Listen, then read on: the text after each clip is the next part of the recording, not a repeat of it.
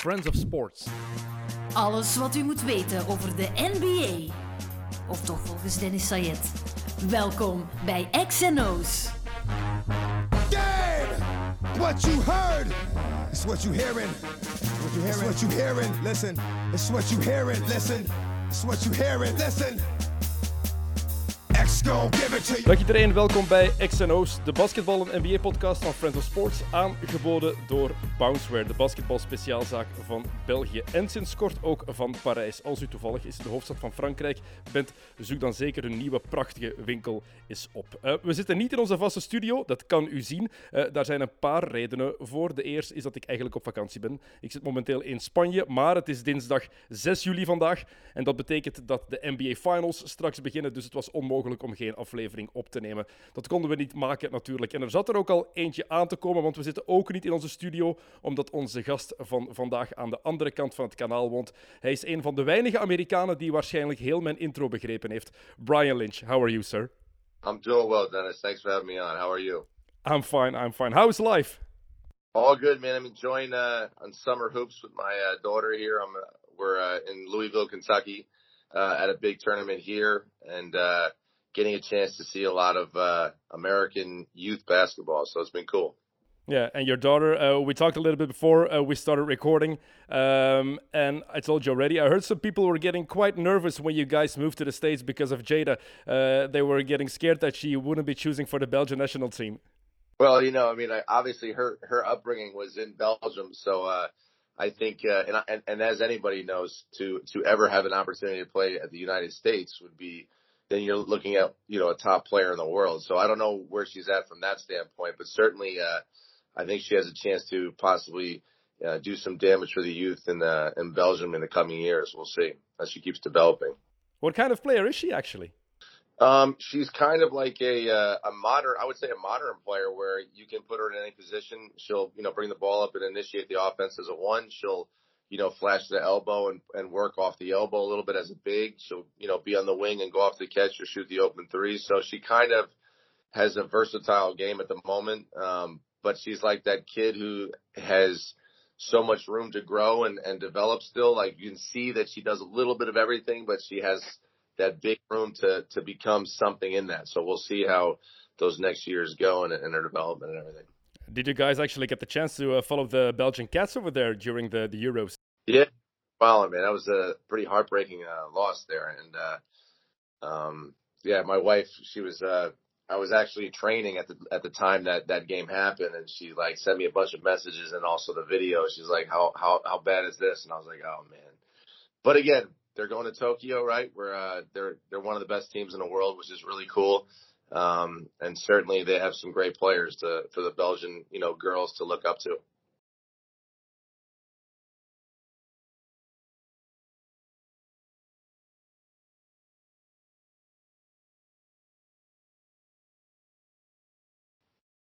Yeah, I, I, it's funny. I think um, the girls' side of basketball here in the states is almost getting better and better. Where I think in the men's side of basketball, Europe is getting better and better.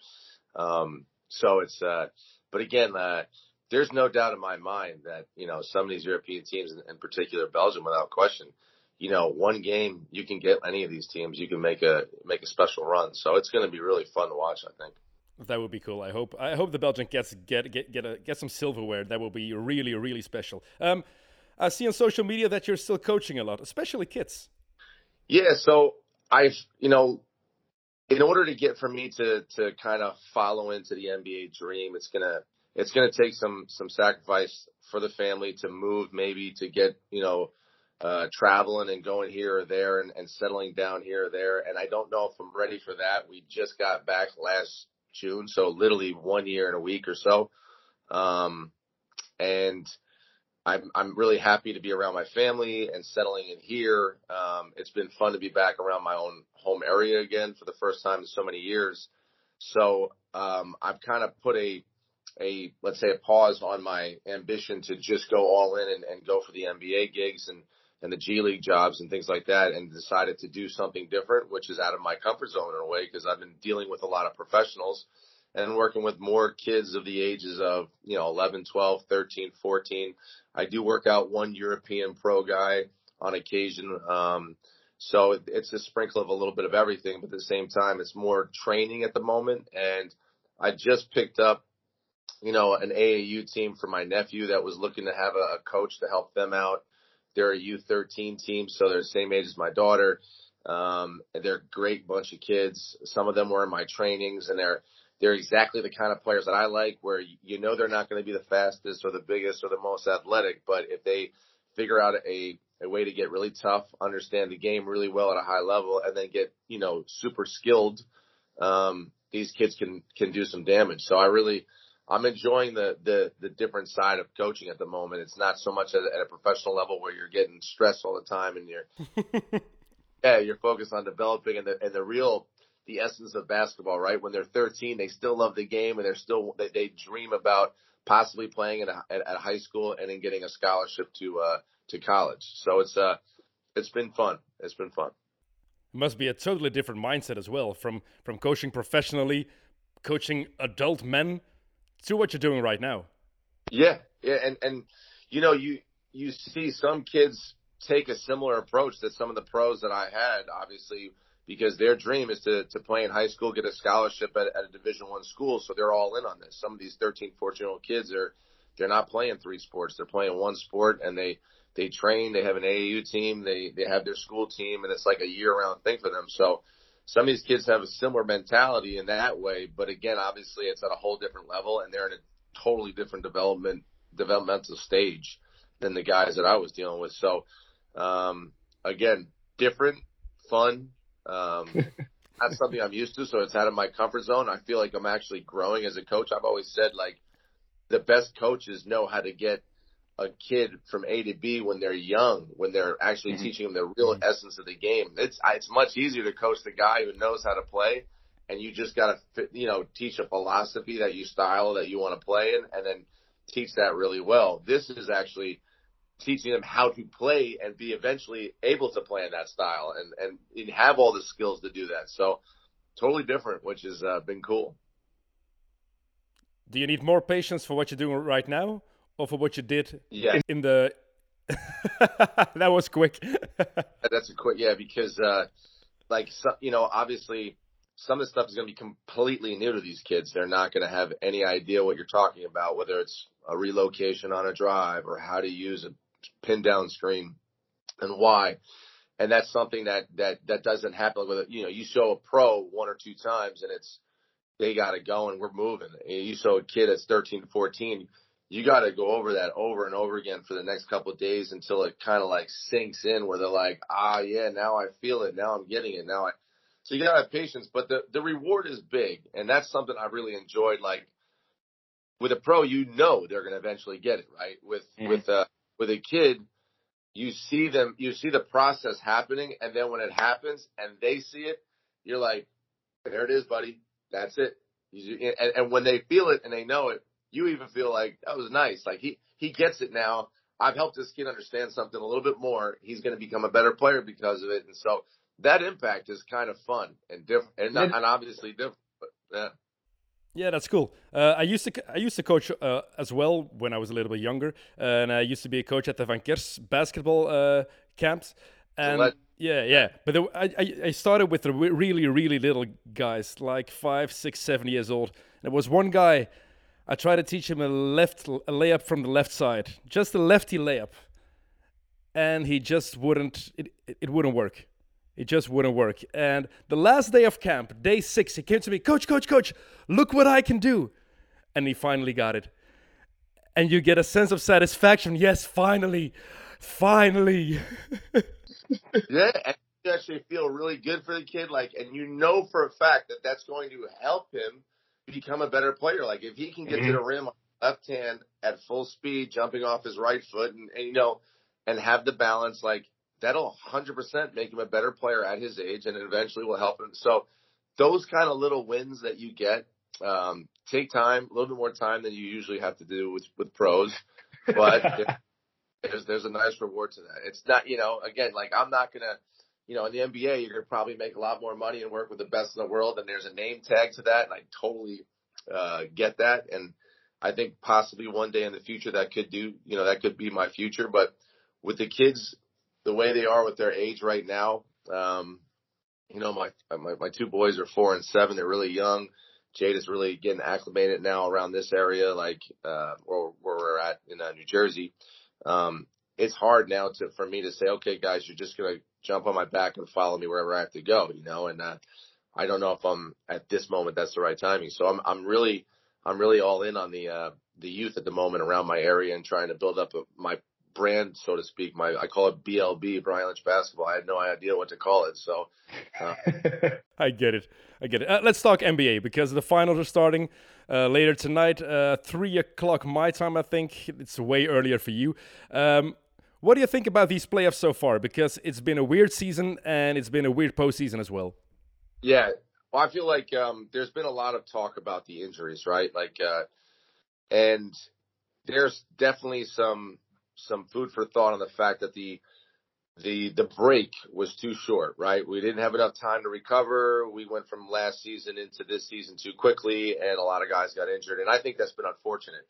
But Dennis, I mean, like you've been following as avidly as I have, and don't you believe that the the, the season there's just too many games already, and that mm-hmm. these like and and and they're trying they're trying to get around it by resting guys and giving them nights off um, but that's also not great for the brand of basketball because if I pay a ticket to go see Kevin Durant and Kyrie in Brooklyn and I, you know, go there and all of a sudden I find out they're both sitting for rest, I'm like, damn, I didn't even get a chance to see KD tonight, right? So that's not good either. So I don't, I don't know. It's, they have to find maybe a little bit better balance. I think, um, I really, really liked the plan. I don't know how you felt about it, but I really liked. Loved it. You, what's that? I loved it. I really loved it. I think it makes the game so much more competitive. Hundred percent. Like all of a sudden, like your 13th, 12th, and 11th place teams, they were like right there to make the 10th spot, right? And they were fighting into the bitter end. And I was like, this is awesome. Like in game 78, your your 12th place team was actually fighting their butt off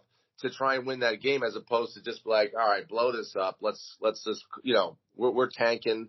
There was none of that. There was barely any of that. Okay. Some, some teams might have done it. Detroit, some of these, like whatever, but most of the teams were competitive all the way into the end. So that system was awesome. I'm glad they brought that in. I think that was something from Europe, which again, you see like FIBA is having a, a positive impact on, um, you know, on the NBA. And then who knows where they go with it from here. I know next year they're talking about the, um, like the cup system that we have, something like that, like an outside, you know, competition.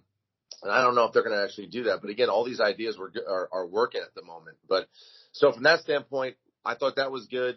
I didn't like the fact that there was a lot of injuries. I feel bad that certain guys, you know, weren't able to play when they needed to. Um, and like even the Lakers, even though I didn't want the Lakers to win, I really wanted the Suns it would have been nice to see a healthy Anthony Davis, a healthy LeBron James have an opportunity to defend their their championship. Didn't happen. So a lot there's a lot of like you said, like those parts stunk, but you can't be disappointed with what we're at right now, right? The Bucks and the Suns, no one's ever had a championship on those teams. Like this is awesome. If you talk about the injuries, you also have to acknowledge that a lot of these injuries are freak injuries. Um, the Giannis injury, somebody falling into his leg, that can happen at any time. The Kyrie injury, twisting your ankle like that, that happens to every player. Um, Trae Young stepping on somebody on the ref's foot, that can happen anytime. Uh, you had the James Harden injury, that was maybe his own fault because he didn't want to be in shape because he wanted to leave Houston in, in the beginning of the season. Uh, I think a lot of these injuries, yes, the season was too packed, the offseason was too short, but in my eyes, a lot of the injuries were, were freak injuries and things that can happen at any time. Just like um, Donovan Mitchell twisted his ankle. Uh, I don't know about you, but I've twisted my both my ankles 30 times, I think.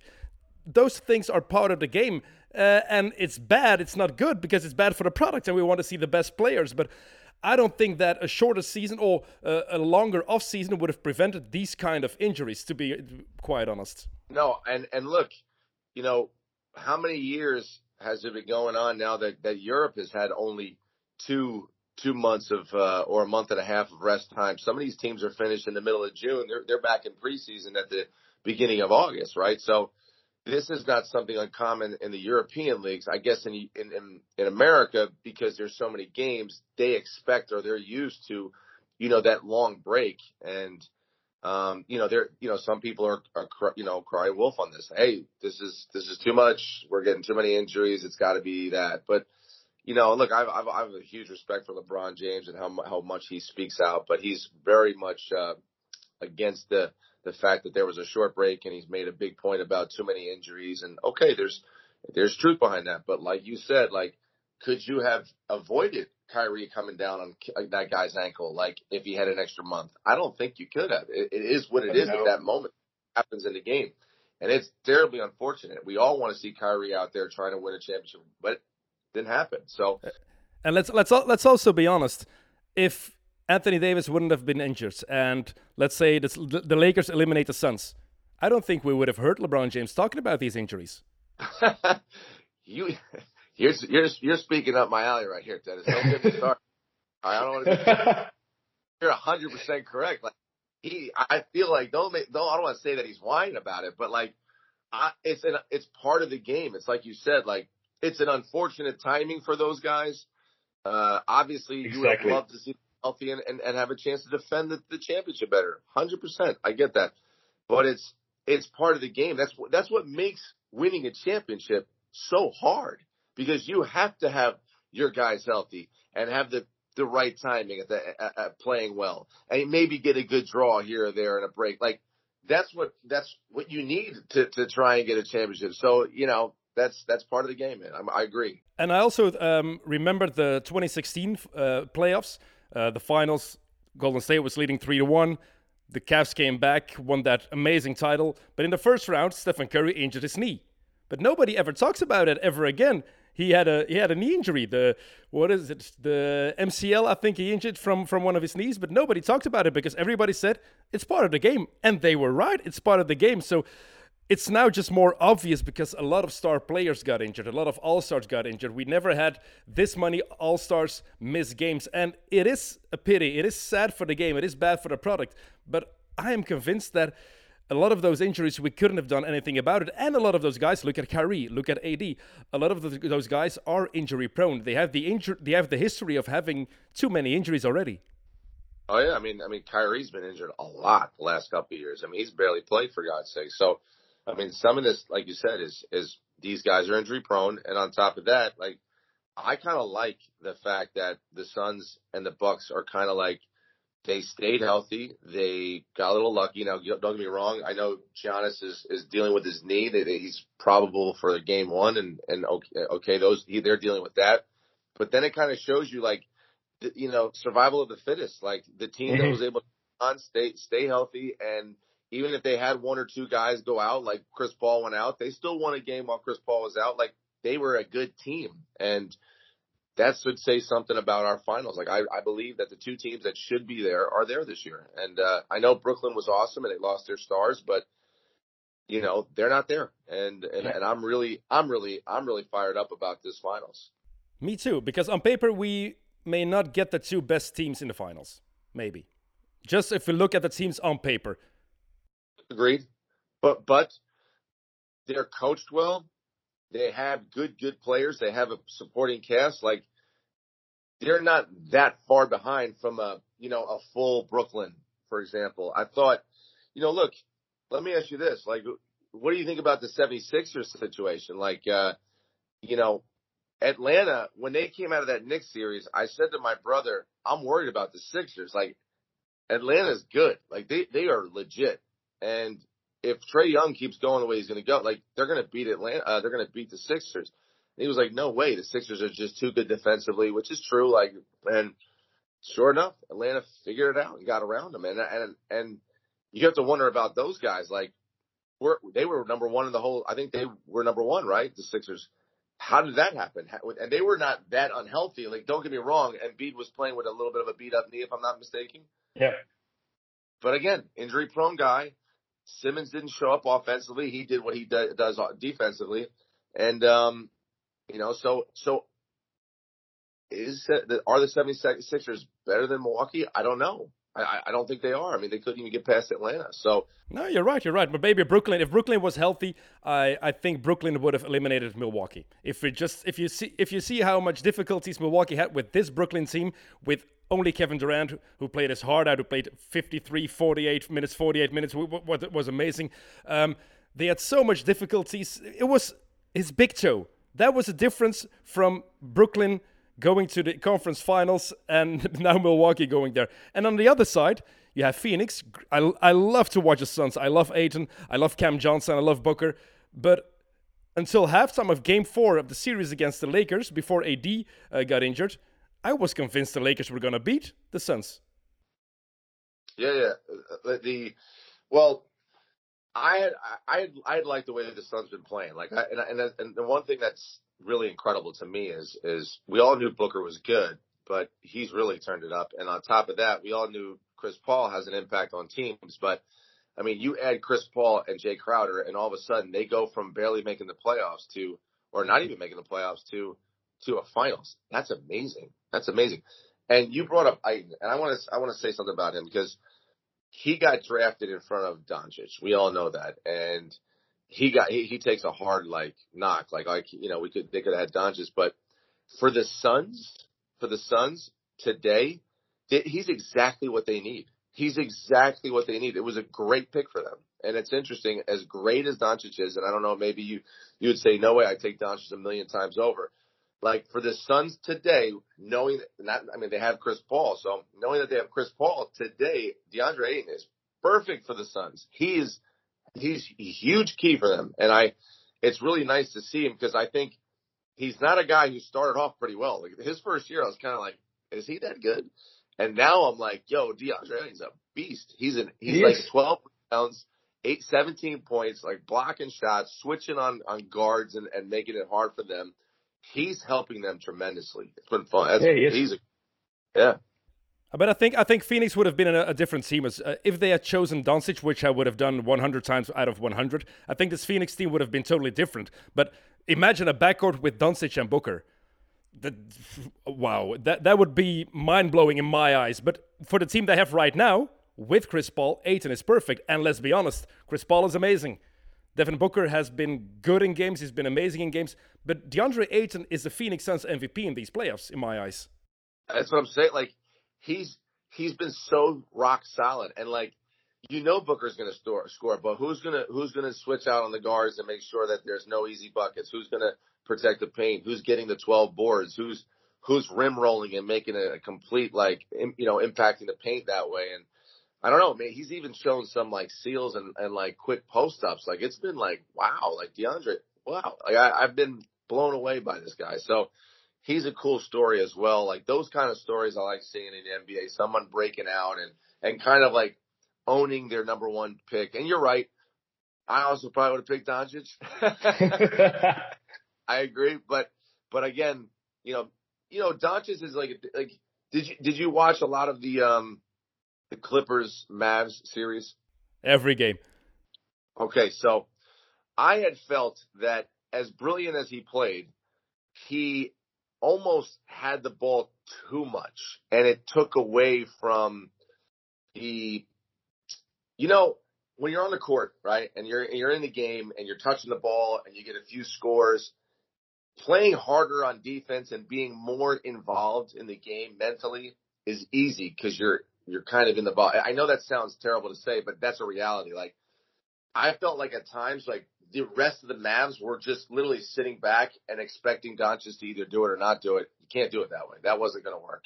So sometimes I wonder like how that dynamic is going to help because Doncic cannot be just come a one man show. Like he still he still gets a lot of assists, but because the ball's in his hand almost every every time. I don't know if you saw this. I saw a stat that blew my mind. It was uh, I think he he generated through his assists and his points I think he generated at one game. It was something like 91 out of the 103 points, and I'm like, what is that? Is insane. Like 91 out of the 103 points came through him on assists and his own points. That's it's incredible. Yeah, the, the usage the usage rate of Doncic was just too high, and I think Rick Carlisle is an amazing coach, but he I don't know why he let the Mavs played that way. Um, I love I love seeing Doncic. Look at what he's done for Slovenia right now. He had a triple double in the deciding game against Lithuania to lead Slovenia to the Olympics. Slovenia. If Slovenia can do that, Belgium can do that. Just, that's just mind blowing what he has done. He's a mind blowing talent, and I love to see him play. But I agree with you that the way the Mavericks played, um, it was a little bit going too far the James Harden and Houston style, in my opinion. Uh, the guy who has the ball in his hands, who controls everything, who just wants his shooters to be out on the perimeter. And I think Doncic is too good to be playing that way, actually. I don't think he's a James Harden, but I think the the, the way Rick Carlisle let the, the let the team play is a James Harden. I think that's weird because if you look at at how Rick Carlisle used to coach, he's a guy that that tells his players he wants them to play a certain kind of way, and he just let Luka do what Luka wants to do. Well, it, it, it did kind of strike me as odd that he he resigned and left right away, right after Mhm. the season. And you know, I don't you know, I don't know what the relationship was between him and, and Luka Doncic, but you have to wonder like was there turmoil there? Maybe he was saying like, look, I I I don't want to play this way and maybe Doncic wanted the ball all the time and I who knows? Like I don't know. Or did was it Doncic just following the direction of of Carlisle and he felt, you know, I, it's a strange thing that happened and you know the Mavs that I thought had, had a chance to win that series um, with a with a healthy Kawhi if you think about it, and didn't happen. Um, They just they fell short. You s- and I saw that coming as soon as they couldn't get that road, you know that that home win. I was like, if they you know they can't put them away at home, this is this is gonna eventually it's gonna break. So um, it's it's a shame. But again, you say it yourself. He brought Slovenia to the, the, the Olympics. I mean, his his efficiency was in the 40s. It's he's a he's a once in a generation type of player, maybe even bigger. So, um, amazing. Great time to be a Slovenian. They've got the best uh, cyclists in the world, probably, uh, with Pogacar, who is uh, dominating the Tour de France, and they've got the best young basketball player in the world. It's it's it's crazy. Um, but talking about DeAndre Ayton, because he obviously got picked uh, over Luka Doncic, I think he's going to be crucial in this series, and not only for the for what he can do offensively for Phoenix, but also how Milwaukee will have to adjust because I think Brook Lopez will is going to have an important role. Um, he's going to have to pull Ayton out of the paint and also defensively, what are you going to do? Of course, the biggest question is in this series, we already know that, is Giannis Antetokounmpo going to play or not? Uh, as of right now, it's uh, 7.30 my time uh, at night. Um, he is doubtful. But I think he will be playing tonight. But what do you do if you're Budenholzer? Do you put Lopez on Ayton? Do you try Giannis on Ayton? So many opportunities and so many choices that are going to be really important this finals, I think, because Ayton can be the difference maker for this team. He he has to be able to to bring Ayton away from the basket um, and make him uncomfortable. And we all know how good of a shooter Brook Lopez is. I mean, he can. I mean, I thought you know, I personally, I was actually at the game, game seven, uh, with Milwaukee and, uh, and Brooklyn. I said, screw it. Let's just do this. So I took Jada, my nephew, and Kim and I, we went, went over to the game. We also thought that KD hit the winning shot, but his foot was on the line. So fair is fair. Uh, and I thought the big difference maker was Brook Lopez. He was awesome that game. He was awesome. Not only like shooting his threes, but like you know, just defending around the rim, uh, you know, finishing around the rim, like when he was down there, he was awesome. And so he has that ability to be like an X factor and, and really completely change, you know, Milwaukee's chances. I, it'll be interesting, like you said, to see if he can do that and bring him out and, and kind of take him away from his comfort zone. He was also important in that conference finals game against the Hawks. I was it game five, I think? One of the most ugly conference finals games in the history of the NBA. I don't know what that was, but that was that was hideous. What did he have? Thirty-one points. Yeah, yeah, but it was yeah, it was bad. I mean, like, is that the game that Giannis went out? Is that the one he got he went out, or is that the one they won without him? I think the one they won without him. Yeah, it was. I didn't. I actually didn't see that one. Um, Be happy. Be happy. probably happy now that you told me that, but it's uh, he again. He, he just has that like, and and it seems like yeah, 31 points. I mean, it's incredible. I mean, obviously he has a big impact on the team. He's just playing great at the moment. Like, if he keeps doing this, they have a. I mean, who do you think is the the favorite? I'm I'm hearing that that that Milwaukee's actually the favorite, but then now with with Giannis questionable, I guess that shifted. But even without Giannis, for me, Phoenix is a favorite. Um, I think they have Ayton, who is having a great postseason. They have Booker, who is the real deal. He really is the real deal. He had some some less games after he broke his nose against the Clippers. I know that, but I still think he can he can go off on a tear and he can just score 40 points when he wants to with his eyes closed. And CP3. He knows it's now or never. He knows finally I've made it to the finals after 16 seasons. I know this is his only chance probably to win a championship. And so those are factors that for me are, are, going to be important. And if you look at the rest of the team, they have they have Jae Crowder, uh, which is a guy with experience, hard nosed guy. They have Cam Johnson if he's um, healthy because he also got injured. I just I like the team. And at Milwaukee side, you have the Giannis injury, of course. Um, Jrue Holiday hasn't been shooting well these, these playoffs, so he'll have to, have to shoot better. Um, and I think, in my opinion, Monty Williams is a better coach than Budenholzer in the playoffs. Um, he's better at adjusting when he needs to, and I think that can be a big difference as well. Well, the guy that I would like to bring up in this, that you said this, and, and after you said all this, I feel like I need to go to to a, a sports book and make a bet on the Suns because I'm now convinced. But uh, those are great points, especially with CP3, like you know for a fact, like he's not letting this team lose right now. This is his only shot. And uh, but the guy that that that that also could be a huge factor is Mikal Bridges. And now he's a Villanova guy. Obviously, I'm a fan of him, um, being a former Villanova guy. But what he does is a little bit like Jae Crowder too, which is, you know, he's able to guard these lengthy guys like a Middleton who can score and really put a lot, a lot of pressure on him. He's got like a seven six wingspan.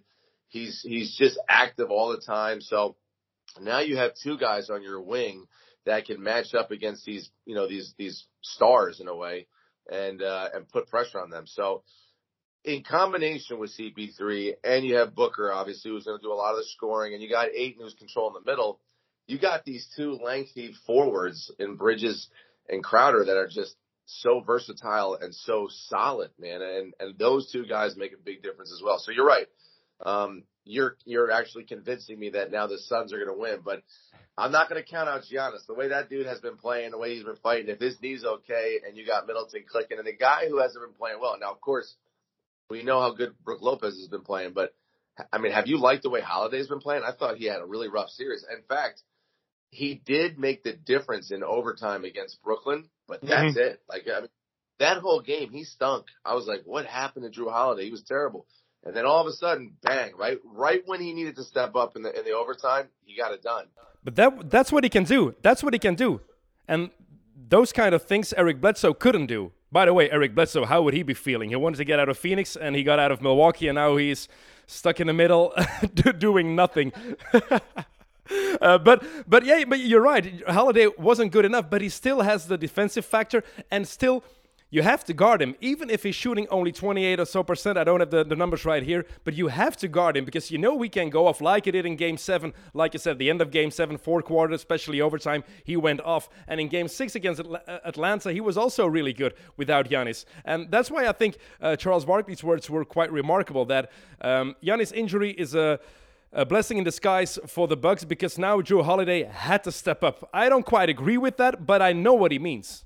Yeah, there, I actually understand what he means too. Like I don't agree with it too because you need Giannis to to to win a championship right now. There's no doubt about that. But now because Giannis is out, like now you got to find your rhythm, uh, Jrue. Because if you don't find your rhythm now with the with the ball in your hands a lot more and and the team needing you to produce, then it ain't going to get done. And if he can find his rhythm, and then you add Giannis back into the equation, you know, healthy enough to to be back to Giannis standards now you got Middleton and Jrue Holiday clicking with Giannis. Now all of a sudden the Suns have a have a much bigger competitor. So should be interesting, man. I, I, like you said tonight, I don't know if uh, if he's going to play, but I, I certainly hope he does, and we all want to see a great series. But uh, you've actually convinced me that the Suns now are going to have the upper hand.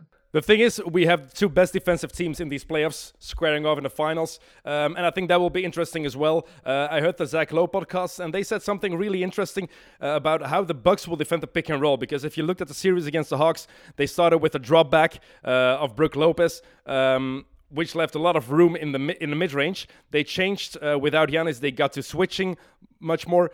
But this the Suns are are a team you can't leave open in the mid range. They have CP3 and they have Devin Booker who are two of the best mid-range shooters in the game. Yeah, yeah. I, I don't I don't think they they're gonna have to. There's just no way they're gonna allow that. There's no way. And and if they try to, you know, gamble and take their chances, I think CP3 and Booker will have their their way. So I'm you're right. Like I, I don't know how they're gonna do this. I don't know. I don't think they'll switch Lopez so easily early in the offense. So you, you might have to bring him out away from the and, and get more aggressive on his hedges and get the ball out of CP3's hands and then rely on your backside defense to make those longer closeouts and and take your chances there. I think because it, it like even in the against Atlanta, if you remember in the beginning of the series, like the the floater was just killing uh Milwaukee. He, he just kept dropping and and there there was Trae Young just getting the lane Every time. I was like, when are they going to stop dropping on him? He's killing them. But I maybe their plan was let let him have 30, right, or 40, but at least we're going to stay home to those shooters. We're not going to give them anything. Huerter and those guys, Bogdanovic, we're going to shut them down and let Jrue get 45 and or, or um uh you know Trae Young get 45 and you know we'll win the game that way. Maybe that was their their game plan. But it, in the beginning, I was kind of like, this is not good. Like he's getting his way anytime he wants, you know. So we'll see. Uh, I'm, actually, it's a good. I want to see that. I'm going to check that out. Um, and the Bucks are going to miss Dante DiVincenzo. It's not the biggest name at all, but if you look at the roster, yeah, also Villanova guy, but he, he's yeah, but he, I, th- I think he, he could be important this series if they had him. It's another body, but he's a good player, a decent player. He, well, listen, he's an athletic, like all around versatile player that doesn't make too many mistakes, can make the open shot, will attack and get to the rim. I mean, he's a great role player. And I think that in the, you know, when you get into these kind of like final games where you just need a few minutes of solid play from somebody, he definitely can do that, right? So missing him is going to hurt. I don't know if he'll be back for this series. Do you know anything about that? No, he's he's what I've heard is not going to be back. Okay, so yeah, so that that's gonna hurt, man, because I think that he would definitely give them a little bit of a boost. But now you got, I guess, I'm thinking Jeff Teague, maybe is that who you have? Oh, Pat Connaughton, Pat Connaughton. I don't like Jeff Teague. I, I, I would play Jeff Teague the total of zero seconds in the entire series. Really, zero. I mean, at least Iconic can come in and shoot. He's pretty athletic as well, but he's not the downhill guy that uh, DiVincenzo can, can, the pressure he can put on the rim. No, and against against Mikal Bridges, I think DiVincenzo would have would be a better option against a guy like Bridges than what they have right now coming off the bench. I don't think they have a good solid second option to to rotate, um, and that's when DiVincenzo would have been yeah would have been useful. I think, yeah. He certainly knows them pretty well. They played long enough at uh, at Nova together, so that would that would definitely help his uh, scouting report. That would have been cool. By the way, did you hear the advice that Gregg Popovich gave uh, to Coach Budenholzer? No, I didn't. Work, Work it out, on your own. Find it out on your own. own. Find it out on your own. I'm not going to give any advice. Love it. He's as dry as they come, man. He's the best. Yeah. Um, the Phoenix Suns, on the other hand, yeah, it's it's an amazing story. What was it? Uh, three seasons ago, they were the worst team in the NBA. Two seasons ago, they were the worst team in the West. Last season, they were 10th in the West. Then they went 8 0 in the bubble, and now they are in the NBA Finals. Um, and everybody's saying, of a lot of or a lot of people are saying, it's thanks to Chris Paul. Chris Paul made the team. Chris Paul made them better. He's here. That's why they are here. And he's an important factor, but I don't think it's totally true. It started way earlier. It started before the bubble already. Monty Williams has done an amazing job with that team.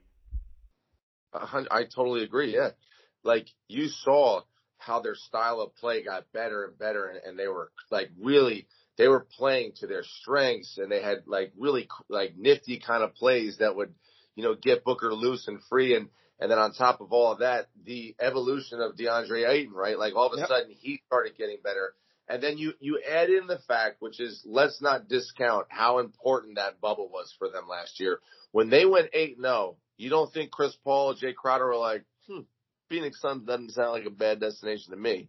Like that bubble was important. Now, if they got their ass kicked the whole time, I don't know if that happens. But like, I think when they went 8 0 and just missed the playoffs, like Chris Paul and, and you know, and, and let's say Jae Crowder, they get those contracts offers and they're like, we could this they're going to be in the playoffs next year, guaranteed. I got a chance here. Like that was definitely an important factor for them. So that whole evolution over the last three years has been a lot of Monty Williams, a lot of the the players' developments, and and now adding in those pieces that they needed just a little bit more to get them over the hump like they are now, and, and here they are. And you know, you like I said, I'm going to keep saying it. You have now convinced me they are the favorite. Are you are you happy? Are you happy for Chris Paul? Uh, he finally reached the finals because Chris Paul, he's a point guard, amazing point guard, but he's also a um, an asshole. He flops. He instigates. He's an irritant, but he's an amazing player. Um, and the fact that makes it more special is that guy was totally written off. It's not like the face, the fake washed king stuff that LeBron and his team invented themselves. Chris Paul was really written off when he went from Houston to OKC. They had to be, to get rid of Chris Paul. They had to trade Chris Paul with first round picks to OKC for Russell Westbrook. Think about that. Yeah, and and and look who came out on that deal pretty good. So I was, yeah, and and so think about it like this: like, so he gets written off, and then he goes to OKC, and all of a sudden they're really good. They're like relevant. Like nobody expected them to be any good with a bad team. Yeah, and they're a tough out all of a sudden, and I'm like, wow, did Chris Paul have that big of an impact? Maybe he did. And now he goes to the Suns and does this, and you're like, good for that dude. Good for him. Because he was written off and nobody expected this. And I remember how many times you'd listen to any podcast talking about basketball say, how is anybody going to deal with that Chris Paul contract? Well, the Suns are like, we're pretty happy that we got this contract now. And, and I know he's making probably way more than he was supposed to two years ago, but today he's earning every penny and that's awesome. And, and, and again, he's a, a a long time veteran. You know, I mean, obviously when I was still playing, he was playing, right? And so it's uh, it's fun to see those guys hanging around, getting an opportunity now to finally get one. Also, a beautiful moment with Monty Williams at the end of uh, the last game of the series. Um, he, he he didn't know how to how to act, and that's you you kind of expect that from a guy who's maybe 22 or 23 years old. But that guy is older than I am. He's what is he? 36, I think. 30, uh, 30, yeah, 36. Um, I think he's one year older than I am, and you could feel the emotions that he really didn't know how to how to compose himself and what is happening. Am i really going to the finals? I don't know coach. What am i going to do? But that's it was so that was real real emotion. Yeah. And, and, and it just goes to show you that he probably had felt how much he had been written off and how much people talked about how bullcrap his contract was and all that. And all of a sudden, here he was stepping into the finals and he's looking at his coach. And like, for me as a, as a coach, like, um, that's, that's probably some of the most special moments that you can share with a player in your entire life. Like, the moment where you realize we've accomplished something together here, man, and you embrace each other and it's real like respect. Um, so I really, really, uh, I really loved it. I love watching that. That's something I can relate to and I, and I enjoyed it a lot. So, uh, mm. very happy for Chris Paul. I think I'm also very happy for Monty Williams. I think he's, like you said, I think he's an incredible coach. Um, and I hate to say this, you know, maybe I'm just become European, but to be honest with you, Dennis, he has used a lot of, let's say, um, concepts from Europe, like just different concepts. And it's just, it's just really cool. Like you can see that there's an influence of European style in his, in his offense and the spacing and all that and how he's, yeah, I, I like the way they play. They're a nice hybrid. Uh, between Europe and, and America, and, it, and he's and it works. Mm. Uh, if Giannis plays, how many times is Chris Paul going to point out that he's taking too long with his free throws? what is the over under on that per game or for the series? He's going to do that every time, I think. Every time he's going to. It, I wish I knew what his average free throw was per game. Let's say he, if he takes nine free throws per game, then I'm going to say the over under is nine. That's what it is. Like he's going to probably do it every time, maybe less one, you know? So, yeah. Oh, that's going to be cool. Uh, by the way, there's this guy who apparently predicted this matchup in the finals of 2021 in 2016. Oh, no, it was in 40. Okay, 2016. Okay, that's pretty impressive. I thought it was in 2019. So in 2016. 2016. I wonder how he figured that one. I guess.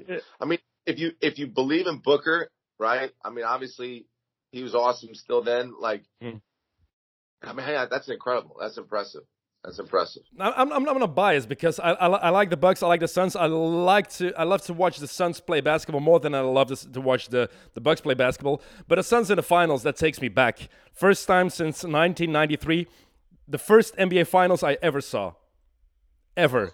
Charles Barkley against Michael Jordan. Those were the first finals I saw. I, I really followed every game of, and that takes me back. Maybe the best finals ever. I'm of course I'm biased because the first thing you watched as a kid, you all it always has some something extra. Um, and I'm a Michael Jordan aficionado, how you want to call it. Um, the, he's Black Jesus, so. um, but it's it's it's it took me back and Devin Booker was wearing the the 93 one of the 93 t-shirts at the press conference yesterday and that was so cool and then I went back and looked at some of the footage of that series and what a crazy series that was the Bulls win the first two games in Phoenix then the Suns win one in Chicago. Game four, you had the, the Michael Jordan 55 point game. Then you had the triple overtime game as well. Game five, the Bulls want to finish it at home. The Suns win it, and they have game six in Phoenix, where Michael Jordan scores uh, every point in the fourth quarter except the last three because those are from John Paxson. And everybody forgets that Kevin Johnson had a chance to win the game as well, but he got blocked by Horace Grant. What a what a crazy series that was! And I don't know if you rem- remember a lot about that. Yeah, no, a little bit, yeah, because I mean, I remember didn't also Rex Chapman play in that that that that team with the uh, Suns that year or no? I'm not. I don't think so. Because no, uh, not not yet. Because number three was back then was Frank Jackson. You had Kevin uh, Frank Johnson. You had Kevin Johnson and Frank Johnson. Okay, yeah. Well, I mean, I mean, I remember the series through the uh when I watched um the Last Dance. They had yeah. spoken about the series, and uh and it and it kind of surprised me to to kind of remember the fact that it wasn't such an easy series for the Bulls. It wasn't a walk that expected. And, and like Jordan admitted that, like, he had like his doubts for a second, like, we got to get through this. Like, I don't know, because I, I forget what the, the underlying, uh, factors were, but yeah, they had their chances of Suns then, but they, they fell short. And that would have been awesome for Charles Barkley because again, like, you gotta love Charles. He's hilarious on TNT. He's, uh, um, he was a he was a fighter, a guy who you can expect to show up every single night, and you would want a guy like him to win. But you know, to win in the era of the Jordan time, to win in the era of Federer or Nadal in tennis, it's like you get these greats that come through, and it's so difficult. You know, mm-hmm. uh, the Phoenix Suns had one player that I st- that I loved tremendously. We had my, my dad was a Charles Barkley fan. He was a New York Knicks fan and a Charles Barkley fan. That were that were his guys um, because Barkley was a badass. Later he had Sprewell because Sprewell choked his coach and he thought he thought I was amazing. yeah, my dad was yeah. Uh, but they had Richard Dumas. I don't know if you remember remember him, but the, he had that one great season. That was that season. Yeah, he he could jump out of the gym, right? Richard yeah. Dumas was an athlete, right? And yeah, and again, another X factor that where you, you know if you didn't pay attention, boom, he'd get you. And and and those kind of players is like every team needs them. And in those moments, in those moments, if those guys step up, you know, you become you become very deadly. You know. Mm-hmm. Uh, by the way, just just in, uh, Giannis um, is upgraded from doubtful to questionable. So I think I think he's going to play. I think he's going to play. Yeah, he'll do whatever he has to do. They'll probably uh, you know, tape him up, put some numbing thing on there, and, and let mm. him go. Hey, that that looked bad. That injury. I, oh, that looked so bad. Yeah, the hyperextension stuff I hate. I don't like mm-hmm. that. I mean, Embiid had something similar, like yep. uh, you know, and it, it, you see that on film, and you're just like, ugh, how is he going to come back from that? It look no, but again, like I guess an hyperextension is is not as bad as as you know, we we might think because I mean, heck, uh, you know, Embiid came back quicker than I expected, and now we yep. have Giannis is questionable for tonight, so it's good. Uh, one more thing, Brian. One more thing. What's up with Scottie Pippen? Did you see that? Was that recent? I, I, I actually thought it was from a long time ago. No, no, in the Dan Patrick show. Yeah. Yeah, that's recent. That's recent. That's see, I saw that video and I was like, this must be from a long time ago. This can't be recently because Scottie Pippen, where did he all of a sudden become the bad guy? Like, or this hard ass? Like, and you know, Dan Patrick was was alluding to the fact that Michael Jordan, um, you know, he didn't get the last shot that one time when you know when um, Steve Kerr got the last shot. No, no, no Toni Kukoc. That was the Toni Kukoc shot. The Toni Kukoc shot in '94. That's what started it. Um, again, but Patrick alluded to the fact, like, well, hey, Scottie, Michael Jordan didn't take the last shot when he won the game. Yeah, yeah, true. Said it in the huddle. he said it in the huddle. I'm going to get you the ball. And Scottie Pippen was like, "That's all Michael. That's for Michael Jordan's like shows and stuff. That wasn't real." That's because the camera was on it. Right. That's kind of I don't know, man. I, I think Scottie Pippen got a little crazy on us there. And the the thing that I was there's only one thing. There's only one thing that maybe I could say, okay, Scottie, okay, I can agree with you on this. He said I had paid all my dues. I sat behind Jordan and watched that guy get the ball numerous times to win games. I was having an MVP uh, year, Mhm. and in the most important moment of our whole season, he didn't want to give me the ball to win the game, and I did. I just couldn't accept that. But you, you, you don't go, you don't go to the bench. Do what Michael Jordan would have done. He would have said, "Phil, I'm taking the shot." Do what LeBron James did to, to, David Blatt. Was it 2015 against the Bulls? Um, no, no, we're gonna scratch that play. I'm taking the shot. Do it like that. You're you're the lead man. You're the the number one option. Be the number one option. Don't be such a sorry for my language. Don't be such a pussy and just go sit on the bench and say, "I'm not going in." No, demand the ball. That was awful. I mean, I can't imagine as a player, especially in that moment, saying, "I'm not going in." Like, what do you mean you're not going in? Like, like I just can't imagine that. Um, and that's why I'm glad Dan Patrick kind of brought it up about the fact that in that huddle, Jordan says, "You're going to be open, Steve. Take the shot." Like, and I was, and and and then Scottie Pippen, you could see he was kind of like he came up with some bogus excuse, like that was for the cameras. Like, what do you mean it was for the cameras? Like, Jordan knew the double team was going to come. Steve, you're going to be open, shoot it. Like that's a leader. Like Scottie, you should have known. Like they're going to be all over you. Kukoc, you're going to be open. Take the shot. Kukoc hit the shot for the uh, for the record, right?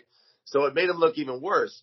And and then the, the whole thing with him calling out like, you know, Phil Jackson as a as a racist, which was I thought like, again, I don't I don't know the the complexity of his relationship with with you know Michael and and he mentioned Kobe and how he treated Kobe before he came and said some bad stuff about him and then coached him after that. What kind of coach would do that? I don't know, man. I, what what was that? That's a great question. I don't have an answer. I'm I'm on the same board. Like I, I don't really know what that. Yeah, me neither. He started his own brand of bourbon, um, and I don't know what's in the bourbon, but it isn't doing Scottie Pippen. It isn't doing Scottie Pippen any good. And right now I'm in Kentucky. I'll just I'll call up the bourbon stores and say stop selling uh, or stop uh, manufacturing Scottie Pippen's bourbon here. What is going on? Don't don't try it. Don't try it, Brian. You don't want. Maybe maybe you're going to start saying some crazy things. Okay, Brian. Uh, before we go, I have some things to give away. I'm going to say it in Dutch because um, the people who are listening need to know what they have won. Uh, we hebben het shirt van Steve Nash om weg te geven. Het shirt van Steve Nash uit het seizoen 96-97, dus old school. Eneas 1, dat is de naam op YouTube, um, kwam met het beste idee. Uh, Trae Young die een driepunter binnengooit uit de buzzer en dan een tattoo van zichzelf op zijn been laat zien. Dus jij, um, contacteer ons via social media. Jij wint het shirt van Steve Nash, dan sturen we het je op. De shirts van Jamorant en um, Stephen Curry, die komen eraan. Maar zoals ik al zei, ik ben op vakantie, dus het zal voor eind deze maand worden. Dan sturen we alles op. En we hebben een nieuwe giveaway, want via Bounceware kunnen jullie twee tickets winnen. Um, Nee, twee duo-tickets winnen voor de avant-première van Space Jam. Wat moet je daarvoor doen? Wel, volg ons op social media, op Instagram en Twitter. En dan kom je daar meer over te weten. Dus twee tickets voor de avant-première van de nieuwe Space Jam. Are you going to watch the new Space Jam with the kids? Um, I saw that it came out. I don't know. Uh, to be honest with you, I don't know. I don't even know if my kids would like it. I mean, they they know who LeBron is. At least one of my sons does. So we'll see. I'll, it, it, it, it will be one of those things where it's like nothing else is on. All right, I'll watch Space Jam. Did you watch the first one? no, I never, I never got into that. No, You never did. no, never did. Wow, Brian. Maybe I should watch the first one with Michael Jordan before I go to LeBron. Let's just say Look. he, that has a better chance. It's bad. It's it's a it's a bad movie, the first Space Jam, but it's bad, and that makes it so good. If you know what I mean. Yes. Well, it's Michael Jordan. Get a chance to see Jordan. That's enough for me, right? That's it. That's it. All right, Brian Lynch. Thanks for your time, mate. Anytime, Dennis. Uh, jullie bedankt voor het luisteren thuis. Uh, wij zijn er snel terug, want de finals die beginnen dus uh, komende nacht. ik ga vanaf volgende week op, verder op reis met mijn broer. Mijn broer basketbalt ook. Um, op een iets hoger niveau nog dan ik gespeeld heb. maar wij gaan samen die match ook bekijken en dan daarover praten. Dus er komen opnames, er komen nog XNO's over de finals. Tot give it to you. He gon' give it to you. X gon' give it to you. He gon' give it to you.